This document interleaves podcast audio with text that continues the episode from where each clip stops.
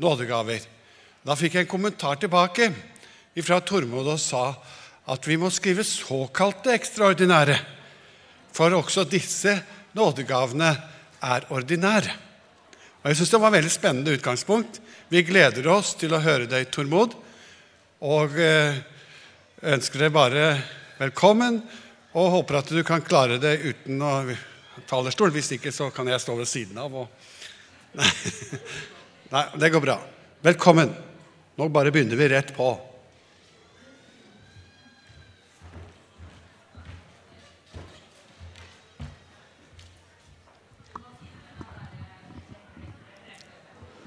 hadde kanskje vært er det, ikke får mye arbeid Jeg har liksom både en bibel og et manuskript. vet du. Ja, men Det er helt riktig det som du sa at jeg kommenterte. Men jeg må bare betone at det var altså ikke jeg som valgte å snakke om disse nådegavene. Det var oppdraget mitt. Så ja, jeg bare kommenterte det begrepet såkalte. Eh, ja, det var snilt. Ja, litt lenger ned, kanskje. Det er fint. Det er fint.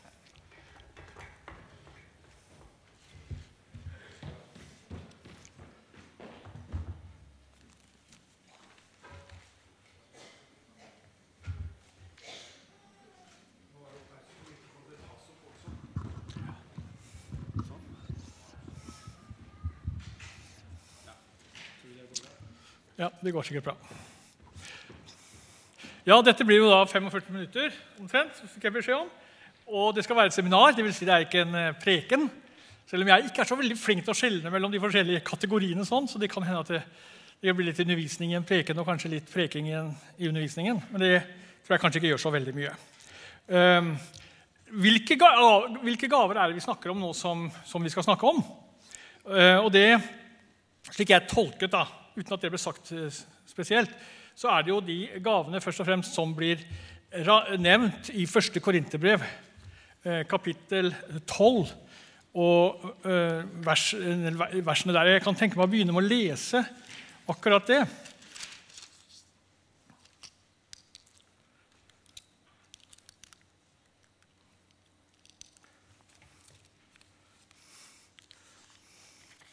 Dere vet at eh, Paulus bruker jo to kapitler, kapitlene 12 og 14, eh, i 1. Korinterbrev, til å snakke om nettopp nådegavene. Eller de åndelige gaver, eller åndens gaver. De, kan, de ordene kan brukes om hverandre. De, mener det, de betyr det samme. Og så eh, nevner han forskjellige nådegaver. Fra vers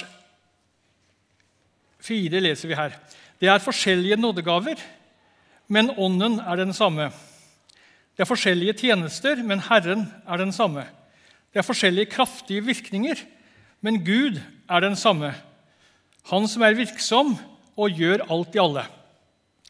Her er det interessant at det der brukes forskjellige ord. Eh, tjenester, gaver, virkninger. Og det brukes forskjellige betegnelser på Gud, slik at vi kan tenke oss at det er den treenige Gud, Gud, Herren, Ånden, som står bak.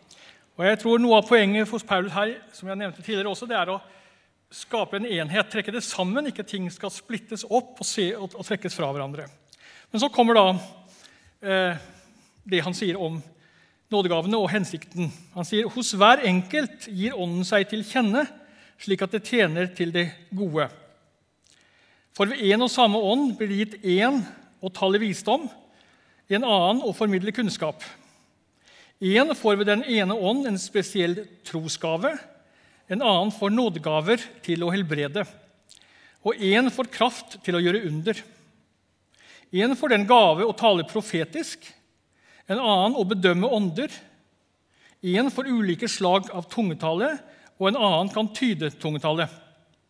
Alt dette gjør den ene og samme ånd, som deler ut sine gaver til hver enkelt slik han vil. Og Jeg kan også ta med to vers til, hvor dette med enheten fremheves. Slik kroppen er én, selv om den har mange lemmer, og alle lemmene utgjør én kropp, enda de er mange. Slik er det også med Kristus. For med én ånd ble vi alle døpt til å være én kropp, enten vi er jøder eller grekere, slaver eller frie, og alle fikk vi én ånd å drikke. Så Dette er et vers som da understreker både dette med enheten, men også dette at alle kristne er døpt med Den hellige ånd, har fått Den hellige ånd. Og derfor også nådegaver. Nå har mange forsøkt å lage, lage system av disse gavene. Forskjellige typer systemer. Og Jeg skal la det ligge. Men de nådegavene som jeg vil snakke litt om, det er da de tre, og jeg regner med at det er de som antageligvis eh, var ment, nemlig nådegaven til å tale i tunger, skråstrek også tydning av tunger, nådegaven til å tale profetisk, kanskje vi også der trenger å trekke inn dette med å bedømme ånder, og nådegaven til å helbrede, eh, som også er nevnt her. Så disse er de tre og Det er jo disse tre gavene som på en måte særlig har blitt vektlagt innenfor pinsebevegelsen og den karismatiske bevegelse, og som har også vært ganske kontroversielle. Eh, nå har man da av og til delt inn nådegaver, og særlig vi, i, i, naturlige og overnaturlige. Eller ordinære og ekstraordinære. Og Hvis vi leser uh, Romerbrevet kapittel 12, som er det andre hovedstedet om nådegavene, så nevnes ikke så mange av disse skal vi si, overnaturlige, men det nevnes mer skal vi si, praktiske ting som er mer basert på den menneskelige utrustning. Eh, sånn som diakoni eller gjøre tjeneste, det å lede, det å gi osv. Der er ikke disse ekstraordinære gavene vektlagt på samme måten. Det, det, det sier noe om at nådegavespekteret er veldig, veldig vidt. Så eh, For meg er det et anliggende på en måte at vi beholder det vide nådegavespekteret. Eh, og vi vet jo at historisk sett så er det noen som har hevdet at disse ekstraordinære nådegavene de opphørte med aposteltiden, eller med Jesu tid og aposteltiden. Uh, det er uttrykk for det som kalles for en dispensasjonalistisk syn. At, at frelseshistorien består av ulike perioder, og at det er ulike ting som karakteriserer de forskjellige periodene. Og at altså dette med under og tegn, helbredelse, tungetale, profeti osv. er noe som hørte Kirkens grunnleggelsestid til. Jeg syns det kommer i konflikt med tre poeng. Nemlig for det første at det står ingenting i Bibelen om at, at dette skal opphøre. Det står at det skal, gavene skal opphøre, men det er ved Jesu gjenkomst. Det er ved fullendelsen. Da vil disse gavene ikke lenger være nødvendige. Da skal de opphøre. Eh, det andre er at Kirken faktisk praktiserte disse gavene i flere hundre år. Det har jeg jobbet litt med, og det kan dokumenteres. At for i forbindelse med dåp og bønn, salving, håndspåleggelse i forbindelse med dåp, så forventet man i Oldkirken også at den som ble døpt, skulle få del i åndens gaver. Det kunne være profetiske budskap, det kunne være gave til å helbrede, f.eks. Så det i hvert fall var veldig tydelig i Kirken, i hvert fall de første 300 årene. Og Det tredje er det at disse gavene har jo jeg vil ikke si gjenoppstått, men i hvert fall de har blitt vektlagt på en ny måte eh, de siste skal vi si, 120-130 år. Og det er klart, Hvis man har en sånn en såkalt sesasjonistisk, altså en sånn opphørsteori, så må jo man da spørre seg selv hva er det som skjer da i dag, når noen hevder å tale i tunger eller å tale profetisk, eller at Gud helbreder ved bønn. Og Det skjedde jo i Tyskland da de møtte pinsebevegelsen på begynnelsen av 1900-tallet. De, de, tolket det slik at ja, men siden disse gavene er opphørt, så må det jo være enten svindel eller det må være demonisk. Og Man lagde til og med en uttalelse i eh, Tyskland om at disse gavene hadde opprinnelse eh, hos Satan. Og det, det hang på en måte som en mørk sky over utviklingen i Tyskland i forholdet mellom de evangeliske kirkene og pinsebevegelsen, helt opp til nylig, hvor da de evangeliske kristne har sagt nei, det står vi ikke lenger for. Og de har bedt om unnskyldning for dette, den uttalelsen som skjedde for ca. 100 år siden. Og jeg må vel innrømme også det at I Misjonssambandet så har det vært mange som har tenkt på den måten. Særlig når den karismatiske bevegelsen kom til Norge, så var det mange som, som, som mente at det kunne ikke være tilfellet. At disse gavene ble praktisert fordi de hadde opphørt. I dag så tror jeg ikke det er mange som tenker sånn. Jeg tror ikke det er mange som tenker sånn, hvis det er helt tatt noen. Men eh, jeg tror det er viktig at vi har kommet forbi det. Så Dermed så må vi da spørre om hva disse gavene betyr i dag. Og Jeg, må, jeg har lyst til å si litt først om tungetale, så om profeti, og så om helbredelse. For det første, Vi ser at tungetale det skjedde på pinsedag. Det skjedde i Kornelius' hus i kapittel 10. Og det skjedde i Efesus, da disse Johannes-disiplene ble døpt. Så det er, det er, tre tilfeller av tungetale i, eh, i apostelens gjerninger. Det kan også være at det, det, er henvist til tungetale uten at det er nevnt spesielt. Eh, selve ordet tungetale har ingenting med det fysiske organet tunge å gjøre. Det er ordet 'tunge' i betydningen språk. Tang kan på engelsk bety språk. Så det, Man kunne egentlig riktigere tale om språkgaven enn tungetalegaven. I hvert fall vil det kanskje forhindre en del misforståelser ute blant folk, hvor man tror at tungetale er en slags form for ekstatiske ytringer, hvor en eller annen makt tar kontroll over tunga til mennesker. Det er ikke slik det er å forstå. Men vi ser at, vi, at Nyttestamentet synes å tale om to typer tungetale. For det som skjedde på pinsedag, det var tydeligvis en tale som ble forstått av andre. Altså Det var et menneskelig språk eller dialekt som ble talt av disiplene. slik at de som hadde kommet til Jerusalem fra forskjellige deler, de skjønte sine, det som ble sagt, på sine egne språk. Det er det som kalles med et teknisk ord for senolalia. som betyr, Seno betyr fremmed på gresk, og lalia betyr språk. Fremmed språk. Det har vært hevdet at dette også skjer i dag. Eh, man har prøvd å gå etter dette, men det er veldig, veldig få bevis eller eksempler på at det kan ha skjedd. Jeg vil ikke utelukke det, men det er i hvert fall utrolig sjeldent. Det var en amerikansk forsker som ba folk fra hele USA sende inn på, på, på lydbånd eh, eksempler på tungetale, og han fikk masse. Og ingen talte et menneskelig språk, et, et kjent språk.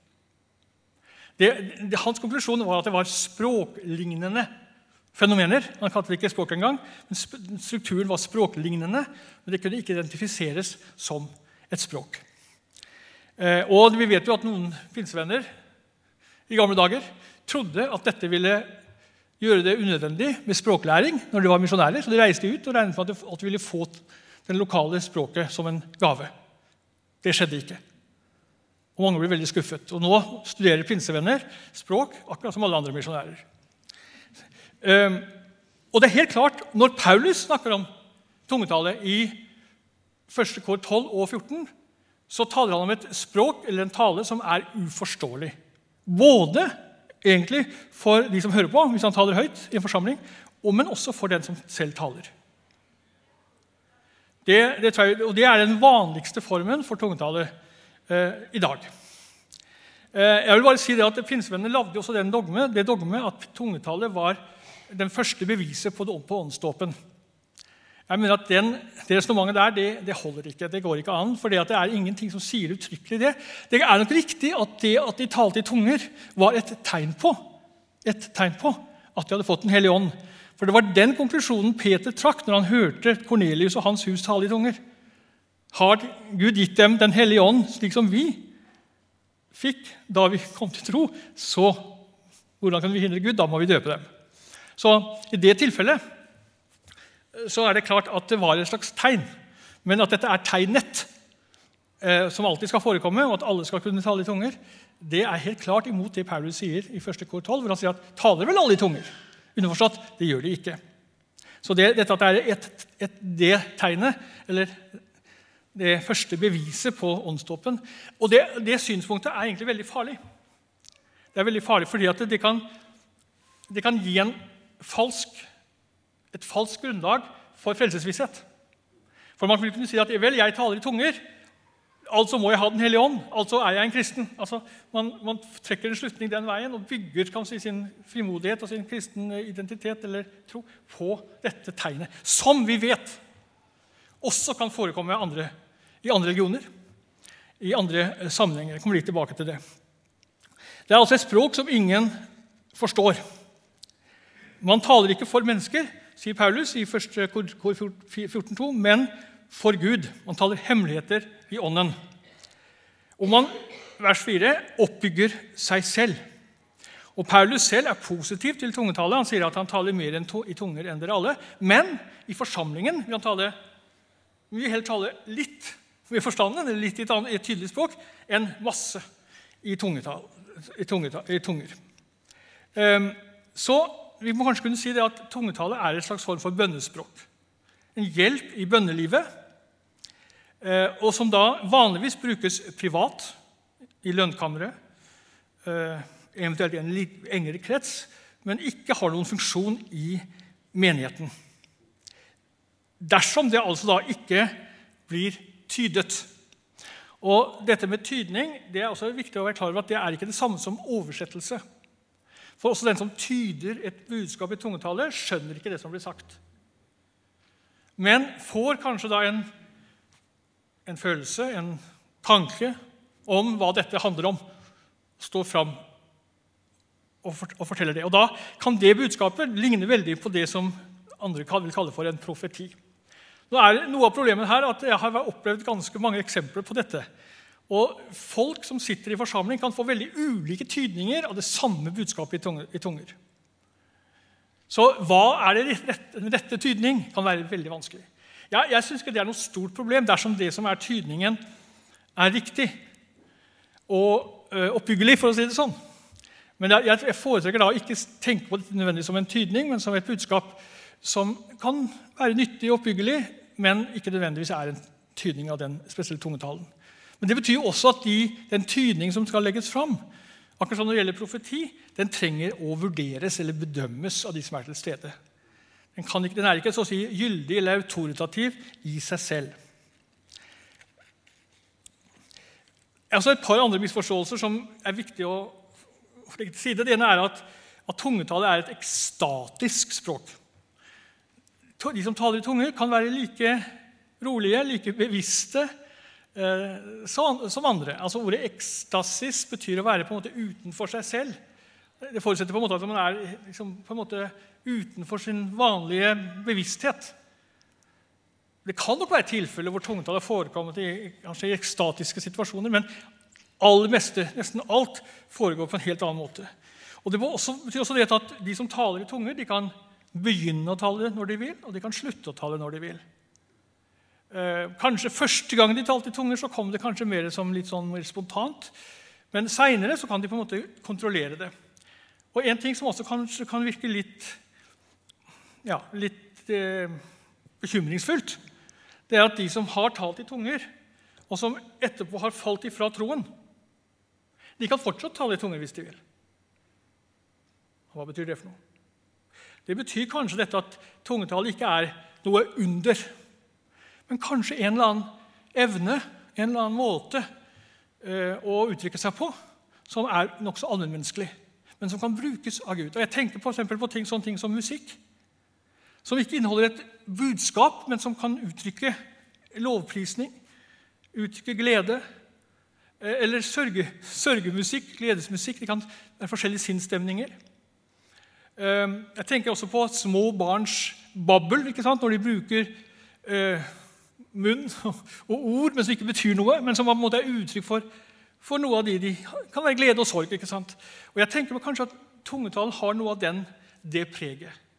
At det er på en måte et, et språk som, som, ånden kan bruke, spesielt i bønnelivet, for å bygge opp den som, den som ber. Og jeg har, da, da karismatiske vekkelse kom til Norge på 60-70-tallet, så var det jo mange tidligere eh, ledere i kirken i Norge som fortalte, fortalte at de hadde fått denne gaven og praktiserte den privat. Jeg husker Håkon, Biskop Håkon Andersen fortalte meg det, og andre har fortalt det samme. Og Det var før eh, den karismatiske bevegelse, og ikke egentlig under påvirkning direkte av pinsebevegelsen heller. Så det har forekommet eh, over lang tid, men det fikk selvfølgelig et helt annet eh, fokus og helt annen vekt. Så la oss si med Paulus ja, det er oppbyggelig. Det bør brukes privat. Skal det brukes i offentlig, så må det tolkes eller tydes. Men la oss ikke investere for mye i det. Som om dette skulle være på en måte en slags bevis på ånden, eller bevis på at den har det rett med Gud. Det, det behøver det ikke være. Så jeg, eh, jeg, jeg er positiv, men med disse si, advarsler eller disse negative perspektivene. Paulus er ikke redd for faktisk å kritisere bruken av nådegaver i korintmenigheten. Det var tydelig at det ble sett på som noe helt spesielt og, og vektlagt veldig sterkt. Og Paulus prøver på en måte å redusere det og gi det den plass det bør ha. Eh, profeti. Igjen, Dette er nevnt flere steder i apostlenes gjerninger, også pinsedag, hvor nettopp disse tekstene som handler sant, om alle disse som får profetiske gaver, eh, med unge og gamle, menn og kvinner, slaver og fri. Eh, og vi møter det også hos Paulus, og han vurderer den profetiske gaven veldig høyt. Eh, Den er en av de største gavene. Og når den brukes, så er det til oppbyggelse og formaning og trøst, sier han. Og det er også slik at Hvis man taler profetisk i menigheten, og det kommer noen utenfra inn, så vil deres tanker og, og, og sinn bli på en måte åpenbart, og de vil falle på kne og si at Gud er til stede her. Altså De vil på en måte få et møte med Gud gjennom det profetiske budskapet. Så jeg syns at vi må ta det på alvor, hva, som, hva Paulus sier om profeti. Men det har også vært vanskelig å, tyde, og å, finne ut hva eksakt hva er det vi snakker om her. Jeg tror vi må holde fast ved at en profetisk budskap innebærer på en eller annen måte en form for åpenbaring. Det er et, ord som gis til et menneske fra Gud, hvis det er en ekte profeti. Det betyr ikke at eh, profeten eller den som har dette, denne gaven, kan stå fram og si 'Så sier Herren', altså bruke den gammeltestamentlige budbærerformelen. Dette er ikke gammeltestamentlige profeter. Man kan ikke skrive ned disse profetiene og legge dem til bak i Bibelen, sånn som noen gjorde på en konferanse jeg var på i USA for, for mange år siden. Så Bibelen vokste og vokste etter hvert som de la til stadig nye profetiske budskap. Det er ikke akseptabelt. Det er ikke rett. Men det har altså eh, en åpenbaringskarakter. Eh, Jeg tror også det er veldig unødvendig at man ved et profetisk budskap taler i første person entall på vegne av Gud. Tvert om det er det har skjedd i kirkens historie.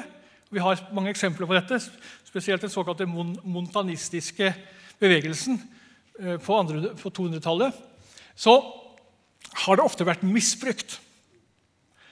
Eh, Fordi at Mennesker som har hørt det, har trodd at dette er ord direkte fra Guds munn. og Særlig hvis da disse profetiene samtidig har hatt en sånn, enten en prediktiv, altså man forutsier noe, eller erklærer at en person eller en menighet skal gjøre noe. altså Hvis den har en sånn, en sånn karakter.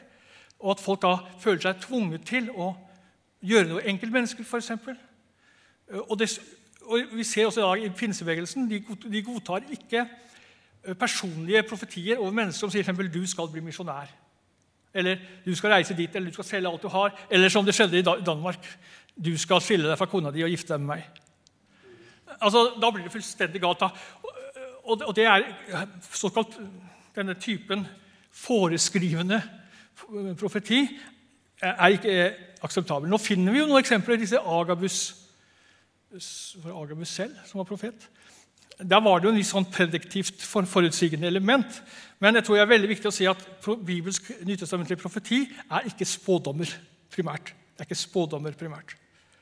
Og skulle det inneholde noen form for spådom, så er jo det bibelske eh, det bibelske rådet det er at det skal prøves på om det faktisk går i oppfyllelse.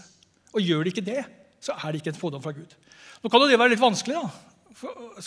Hva gjør man mens man venter på oppfyllelsen? Men jeg tror det er veldig viktig at man ikke føler at man må gjøre noe ut fra en sånn profeti.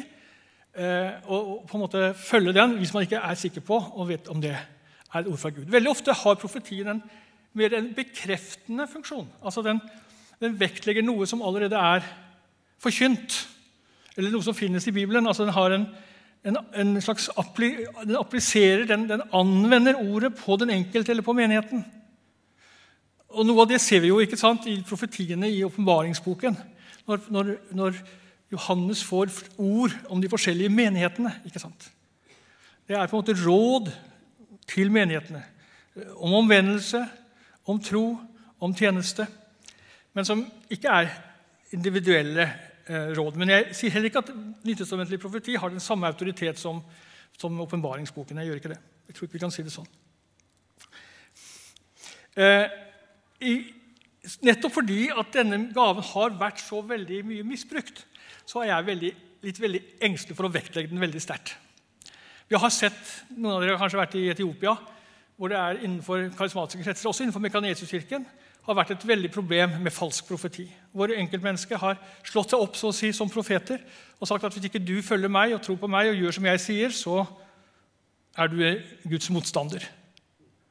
Og Jeg vet ikke om noen, jeg har sett på en, blant annet en VG-dokumentar om en sekt i USA nylig, hvor det er en sånn profetskikkelse som riktignok er i fengsel nå, men som da har hatt profetier om både om, om eh, at han skal ha flere koner, at han skal ha barn som eh, seksuell omgang med barn osv. Det, det er mange eksempler på slik alvorlig misbruk av påståtte profetiske gaver. Så jeg, jeg på en måte er veldig skeptisk, samtidig som det er jo veldig vanskelig å si nei til noe som på en måte er positivt formulert i, i Bibelen. Det jeg tenker da om denne, denne gaven, det er at vi med veldig stor ydmykhet eh, er villige til å lytte om Gud legger oss noe på hjertet, noe spesielt på hjertet. Og Jeg tror at, jeg vil ikke si at all forkynnelse er profetisk tale. All utleggelse av Guds ord er profetisk tale. For Mye av det kan være undervisning, forkynnelse, evangelisering osv. Men jeg tror at Gud av og til, når en forbereder noe, f.eks. En, en preken, eller det kan være at en sitter på benken og skal føle trang til å avlegge et vitnesbyrd. Jeg har hørt mange ganger under vitnemøter, som sikkert var mer vanlig i min ungdom enn det er nå, at mennesker sier at Gud minnet meg om å si dette, eller dette er noe, et ord som jeg fikk. Man sier det på den måten. Så ikke det er en profeti, men det har noe av dette eh, ved seg at det, det, rammer hjertene eller samvittighetene, og noen opplever det som talt kanskje spesielt til seg selv fra Gud. Så at profeti kan forekomme i den vanlige forkynnelsen, i den vanlige vitnetjenesten i, i Guds rike. Så ja, la oss verdsette den type profeti som virker til formaning, oppbyggelse og trøst. Og la oss prøve den. Jeg tror her, Paulus han sier at når, det kommer sammen, så kan to eller tre avlegge et, ha et profetisk budskap. Og Hvis den ene får noe mens den andre taler, så kan den første sette seg ned. Altså, alle kan tale, alle kan lytte. Men menigheten skal vurdere, det. Og denne vurderingen er veldig veldig viktig. Og Hvis profeter vil unndra seg vurdering og sier at dette kan ingen vurdere, for dette er fra Gud, dette, da er det ikke et, et, et sant, en sann profeti. En sann profet vil la sitt budskap underkastes eh, vurdering og bedømmelse. Og, kan, og er det jo mange kriterier på det. ene kan være at det er faktisk nådegaven til å prøve ånder. Det kan være andre i menigheten som føler at dette er ikke fra Gud. og som på en måte har den gaven, Men den kan jo igjen misbrukes. ikke sant? Det, det, det kan bli vanskelig hvis man tenker sånn så at hvis da denne som prøver ånder, sier at dette er fra Gud, eller dette er ikke fra Gud, hvem skal da prøve han eller henne? Eller det kan være, og det er kanskje det viktigste, det skal prøves på Guds ord. Er det i overensstemmelse med Guds ord? Hvis ikke, så er det ikke fra Gud. Og så, som sagt, Vær forsiktig med personlige profetier og fremtidsprofetier. Ja, jeg, jeg går fort det, er det er mye som kan være sagt om disse tingene, men jeg, kanskje vi hadde fått litt tid til spørsmål. Jeg håper det. Så vil jeg si litt om helbredelse. Og det, det syns jeg er en veldig aktuell tematikk nå. Um, vi finner ikke noe, liksom, noe tekst noe særlig grad som forteller om hva helbredelse er, og hvordan det skal gjøres, med ett unntak. Og det er jo Jakob 5, 13-16. Og Der er det jo, sies det jo det at det, eh, hvis noen er syk, så skal man tilkalle menighetens eldste, som skal salve og be for den syke. Og troens bønn skal reise ham eller henne opp. Og Det er bekjennelse og tilgivelse av synd til den eh, skal vi si, seremonien eller den tjenesten. Og Jeg tror de fleste evangeliske kristne praktiserer dette. Jeg antar at det praktiseres her i Misjonssalen. Jeg har vært med i dette, denne form for forbund for syke mange mange ganger. Eh, I tillegg så har vi Jesu praksis, hvor Jesus han helbreder syke som en del av sin messianske gjerning Og dette er igjen tegn på Gudsrikets komme. Det er en del på en måte av de frelsesgoder som man opplever i Guds rike. Men det er ingenting som sier at alle kristne uh, blir helbredet, eller at Jesus helbredet alle. Selv om de eksemplene vi har i Bibelen, som da er hentet fram, de, de er, der er det jo uten unntak slik at Jesus helbreder. Uh, men det, det, kan ikke brukes som et argument for at Jesus eller Gud vil helbrede alle. Og Så ser vi hvordan også da helbredelse følger Kirkens tjeneste, apostlenes tjeneste, i apostlenes gjerninger. At de forkynner, de forkynner Guds ord, og så stadfester Gud ordet ved de tegn og under som fulgte med. en tekst som, som, som, sier det, er jo 14, eh, akta 14, eller apostelgjerningene 14.3. Eh, hvis en ser på helbredelsesgjerningen til Jesus, og jeg har sett litt nøyere på det, så, så, er det i hvert fall fire motiver som, som, er veldig tydelige. Det ene er et, si, et diakonalt perspektiv. Altså dette at Jesus ynkedes, han, han hadde medfølelse. Han syntes synd på jeg vet ikke hvilket ord vi skal bruke, eh, Han følte med mennesker som var syke eller som led. Altså kjærligheten til mennesker eh, kommer til uttrykk i helbredelsestjeneste, i forbønn for mennesker. Så Det er den diakonale, eller den kjærlighetsdimensjonen. Det andre er det vi kunne kalle for en kristologisk dimensjon. Altså dette at mennesker blir friske. Også dette at onde ånder farer ut. Det er også en del av Jesus' tjeneste. Det, det var en demonstrasjon av at Jesus er Gud, Jesus er Herre. Og Spesielt i den tidlige kirke så var det at Jesus helbredet, at det skjedde helbredelse i hans navn. For det var jo nettopp Når man sier 'i hans navn', så sier man det er ikke jeg som helbreder. Det er Jesus som helbreder. Gjennom min tjeneste. Derfor vektla apostelen det veldig sterkt, at de helbredet i hans navn. Apostelgjerningene 4, 12, ikke sant? Det er ikke, noe, det er ikke frelse i noe annet navn. For det er ikke noe annet navn gitt under himmelen blant mennesker ved hvilket vi skal bli frelst. Så Jesu navn, dvs. Si Jesu person, blir vektlagt. Så det er en det er en forkynnelse av Kristi makt at Kristus er en levende og oppstanden frelser. Han er her og nå og helbreder. Og så er det en misiologisk dimensjon. Altså det vil si at det, Disse helbredelsene er også et vitnesbyrd som kaller til tro. Og Hvis vi spesielt reiste til land i Afrika eller i Asia, så vil vi se at Kirkens helbredelsestjeneste er veldig viktig med tanke på at mennesker kommer til tro. Ehm, jeg kunne nevnt noen statistikker her, sånn jeg skal ikke gjøre det.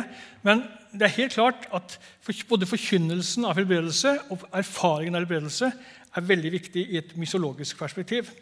Og Det siste, tredje punktet det er at det jeg vil kalle et eskatologisk perspektiv. Nemlig at helbredelsene de, de foregriper på en måte Guds, det, det, det, når Guds rike kommer i kraft. Jesus talte jo om Guds rike. Det har vi hørt litt tidligere om i dag også. Og det er en, en foreløpig del av Guds rike, altså det som skjer her og nå. Syndenes forlatelse. Eh, vi føres inn i samfunnet med Gud. Vi får, får nytt liv. Eh, vi kommer føres inn i Kirkens fellesskap. Og av og til skjer også helbredelser og andre tegn og under. Men dette er ikke noe som på en måte er blitt fullkomment ennå. Det er også ennå ikke, en ennå ikke-side ved Guds rike. Det er nemlig når Jesus kommer hjem, når riket kommer i kraft. Og Da vil på en måte alt, alle frelsesgavene være fullstendig tilgjengelige.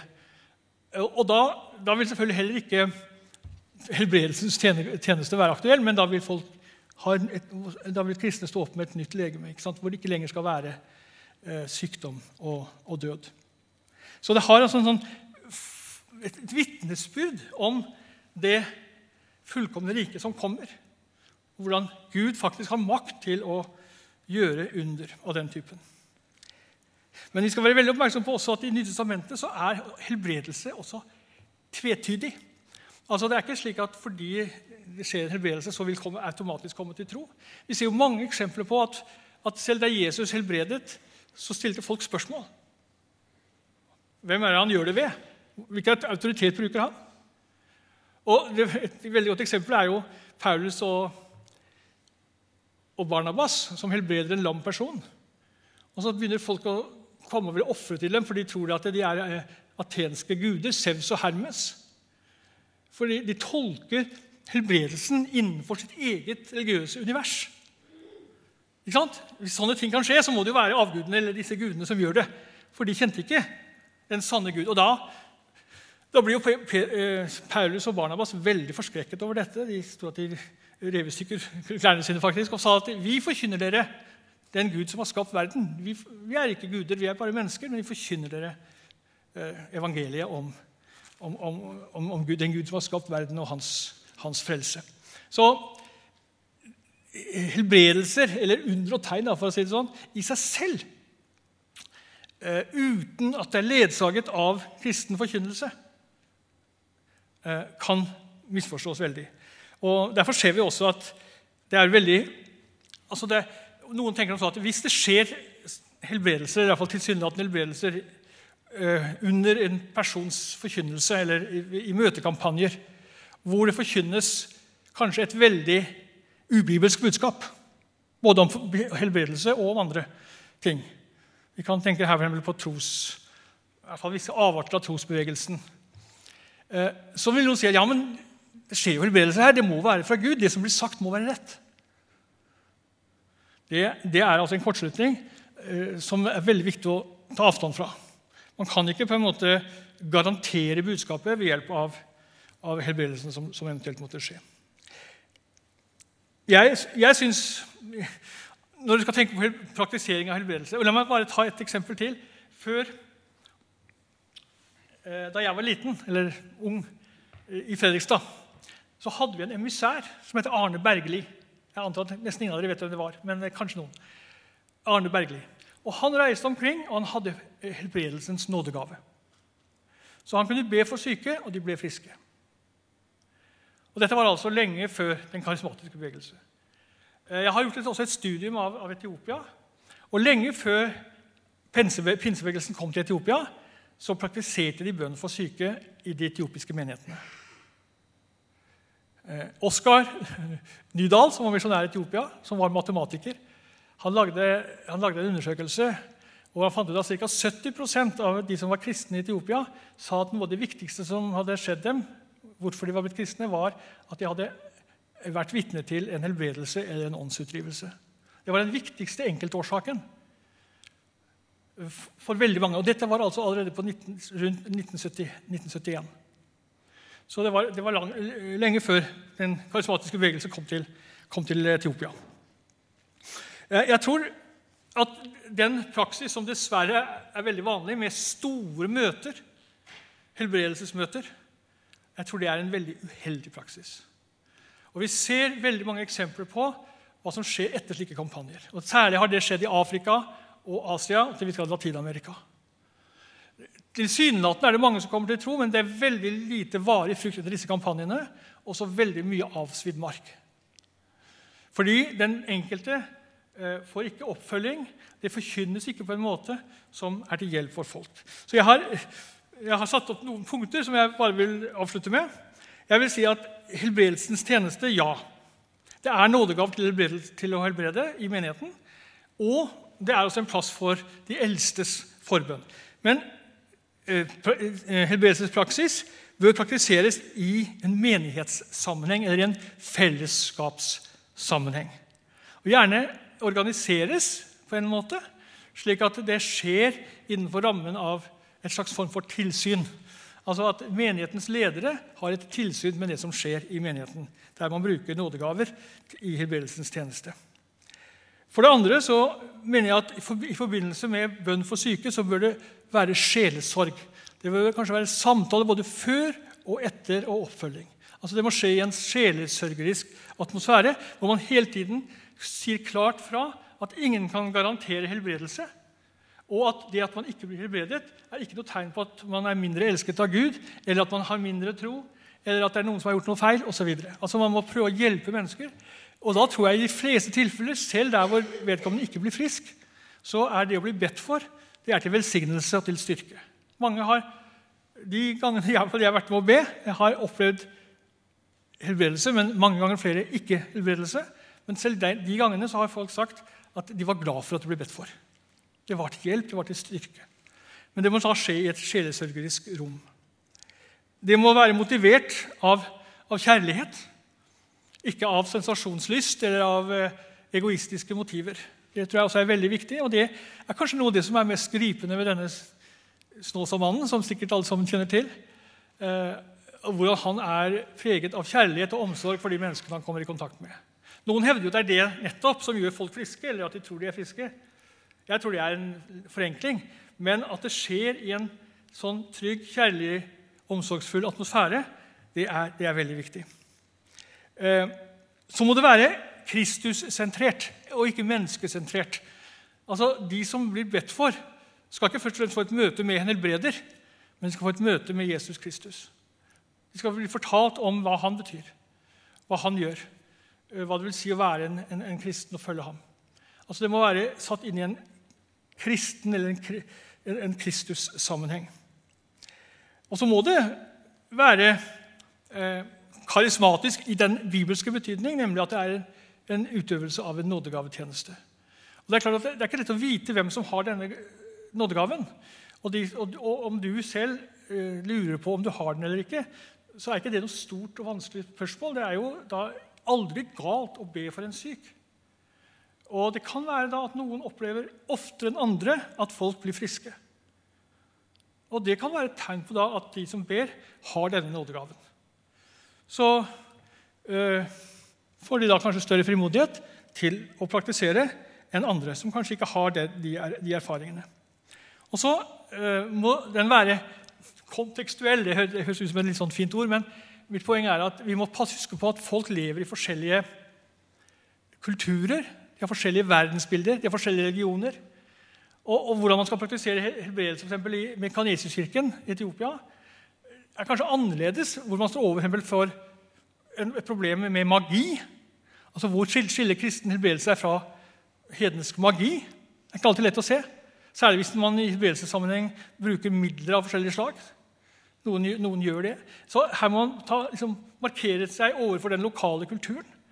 Eller i Kina. Det være en, en, en kineser som spurte hvorfor han var kristen. Jo, han hadde bedt mange guder om å greie seg til eksamen. Eh, men da han ba til Jesus, så, gikk, så klarte han eksamen. Så ble han kristen. Ok? Jeg håper han fikk mer enn det etter hvert. Men altså, det bare viser litt den religiøse sammenhengen. Du går til alle mulige forskjellige guder for å be om kanskje helbredelse. Sør-Amerika de som har vært der, vet hvordan det fungerer i den katolske kirke. Så Det er veldig viktig at den helbredelsestjenesten som en står i, på en måte er kontekstuell. At man forklarer, tar hensyn til, eh, avviser ting i den lokale kultur og religion som ikke kan forenes med kristendom, slik at man ikke ender opp med en slags synkretistisk, halvhedensk praksis, som den nok har noen steder. Og Det siste eh, hovedpunktet er at man må være kritisk. Jeg er veldig skeptisk til de som på en måte utbasunerer at de er totalt friske bare etter et minutt eller umiddelbart etter. Altså At man er villig til å både trekke inn eh, medisinsk ekspertise, altså lege, legevitenskapen, ikke si nei til den på noen måte, og at man tenker over tid, og at man er veldig forsiktig med å komme med bombastiske erklæringer om hva som har skjedd. At man er kritisk og, og ikke negativ, i den betydning, ikke kritisk negativ, men at man ønsker å å ikke si mer enn man kan stå inne for. Og love, I hvert fall ikke love mer enn man kan stå inne for. Ehm, jeg tror det er de hovedpunktene jeg, jeg ville ha om, eh, om, dette. Men åssen er det ligger an nå, møteleder? Er jeg brukt tida vel så det?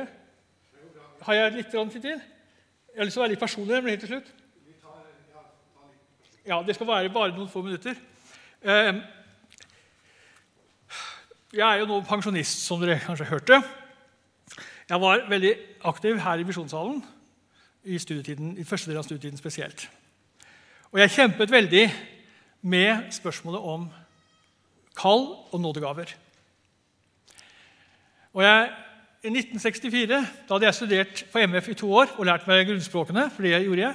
Men da kom jeg til, en, på en måte til et skillelinje. Hvor, hvor, skal, skulle jeg gjøre med mitt liv? Skulle jeg bli en heltidsarbeider i Guds rike, eller skulle jeg bli lege. Det var liksom de to valgene jeg sto overfor da. Og Da var det et, et møte oppe i, i ungdomssalen her, hvor Gudmund Vindsreit prekte. Og han prekte på en måte som jeg følte var rett fra, til rett til meg. Jeg tror kanskje han hadde et profetisk budskap til meg den, den kvelden. Og Han tok eksempler på noen som hadde da stått i denne valgsituasjonen mellom lege og tjeneste i Guds rike. Akkurat som jeg satt og tenkte på da. Og Da jeg etter det møtet gikk opp, jeg bodde i tredje eller fjerde etasje her, så ba jeg Gud om å få et ord. Og åpna Bibelen på måfå. Jeg, jeg tilråder det egentlig ikke, men jeg tror Gud faktisk kan bruke Bibelen på den måten. Og jeg fikk det ordet som står i rombrevet. Sin nådegaver og sitt kall angrer Gud ikke på. Det er Romerne 11, 29. Jeg vet at det ordet taler Paulus om israelsfolket. Men det ble et ord til meg. Gud angret ikke på de nådegaver han hadde gitt meg. Han angret ikke på det kallet han hadde gitt meg.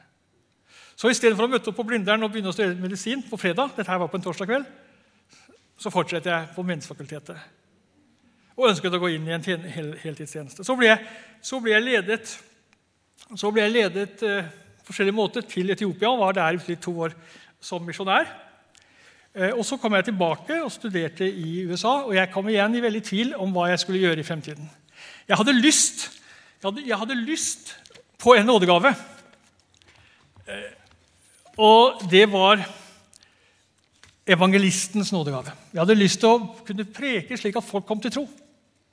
Det var det, det, var det jeg, Men jeg, jeg, jeg syns kanskje ikke jeg klarte det helt. altså. Jeg har nok opplevd eh, at mennesker har kommet til tro eh, gjennom forkynnelse, men det har ikke vært det vanlige. Det vanlige. Jeg, har ikke, jeg, har ikke, følt at jeg har hatt, hatt, den oppgaven. Men da ba jeg til Gud igjen om å få et, et ord. Og Jeg skal ikke, gå i detalj på dette, men det var altså et ord som jeg fikk. Um, og det er 1. Tim 4, 13 og 14, hvor det står og det igjen, Paulus skriver til Timotius. Han skriver ikke til meg. Men han skrev til Timotius. Men jeg fikk det som et ord. følte jeg. Ta deg særlig av skriftlesningen, formaningen og undervisningen, helt til jeg kommer. Forsøm ikke den nådegave du har, den du fikk på grunnlag av profetiske ord. Ta Eldsterådet, la sine hender på deg. Legg, legg vekt på det, dette, lev det, så alle kan se at du gjør fremskritt. Jeg var blitt innviet til misjonær på Seiersteds misjonshus i Fredrikstad av hovedstyret i uh, Misjonssambandet pluss noen lokale ledere. Det har vært min ordinasjon. Det har vært min innvielse til tjeneste. Jeg har ikke hatt noen annen ordinasjon. Og jeg tror faktisk at jeg fikk den dagen, kanskje seinere også, nådegaver. Og det jeg gjorde i Etiopia, det var å undervise. Og dette ordet fortalte meg den nådegave som jeg tror Gud hadde gitt til meg, var nettopp skriftlesning, skriftstudier, formaning og undervisning. Og Det ble på en måte veldig frigjørende for meg, for da slipper jeg å strebe etter å bli en god evangelist. Eller en annen nådegave som jeg da ikke hadde fått. Jeg har også tror jeg, opplevd andre nådegaver, men jeg følte at dette var det Gud ville legge på meg. Nå sier ikke jeg at denne måten å lese Bibelen på er egentlig veldig anbefalesverdig, men jeg tror faktisk Gud kan av og til tale til oss på forskjellige måter, også gjennom slike eksempler. Og Når en da får det bekreftet kanskje av andre som sier at ja, kanskje du har den nådegaven, eller som kaller deg kaller til en tjeneste, med nettopp det som en kanskje har fulgt en nådegave for. Om det da også kan være profetisk tale eller forkynnelse eh, eller helbredelsestjeneste. Så at vi er åpne for hva Gud vil gjøre i våre liv. Og, men gjør det på en slik måte at det ikke legges en byrde på mennesker. Men noe av det jeg prøvde også å si i dag, at, at liv i ånden er et liv i, i glede, i fred. Det å være åpen for åndens gjerning det er ikke et, et trelletilværelse, men det er barnas frihet til å leve i fars hus og tjene i farshuset. Ja, da tror jeg stopper det jeg skulle si her. Eh, og så får vi se hva vi vil gjøre.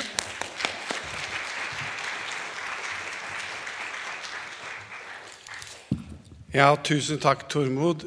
Jeg syns vi er rike som får lov til å ha del i deg og rik at du kom og besøkte oss i dag, og ønsker deg hjertelig velkommen igjen.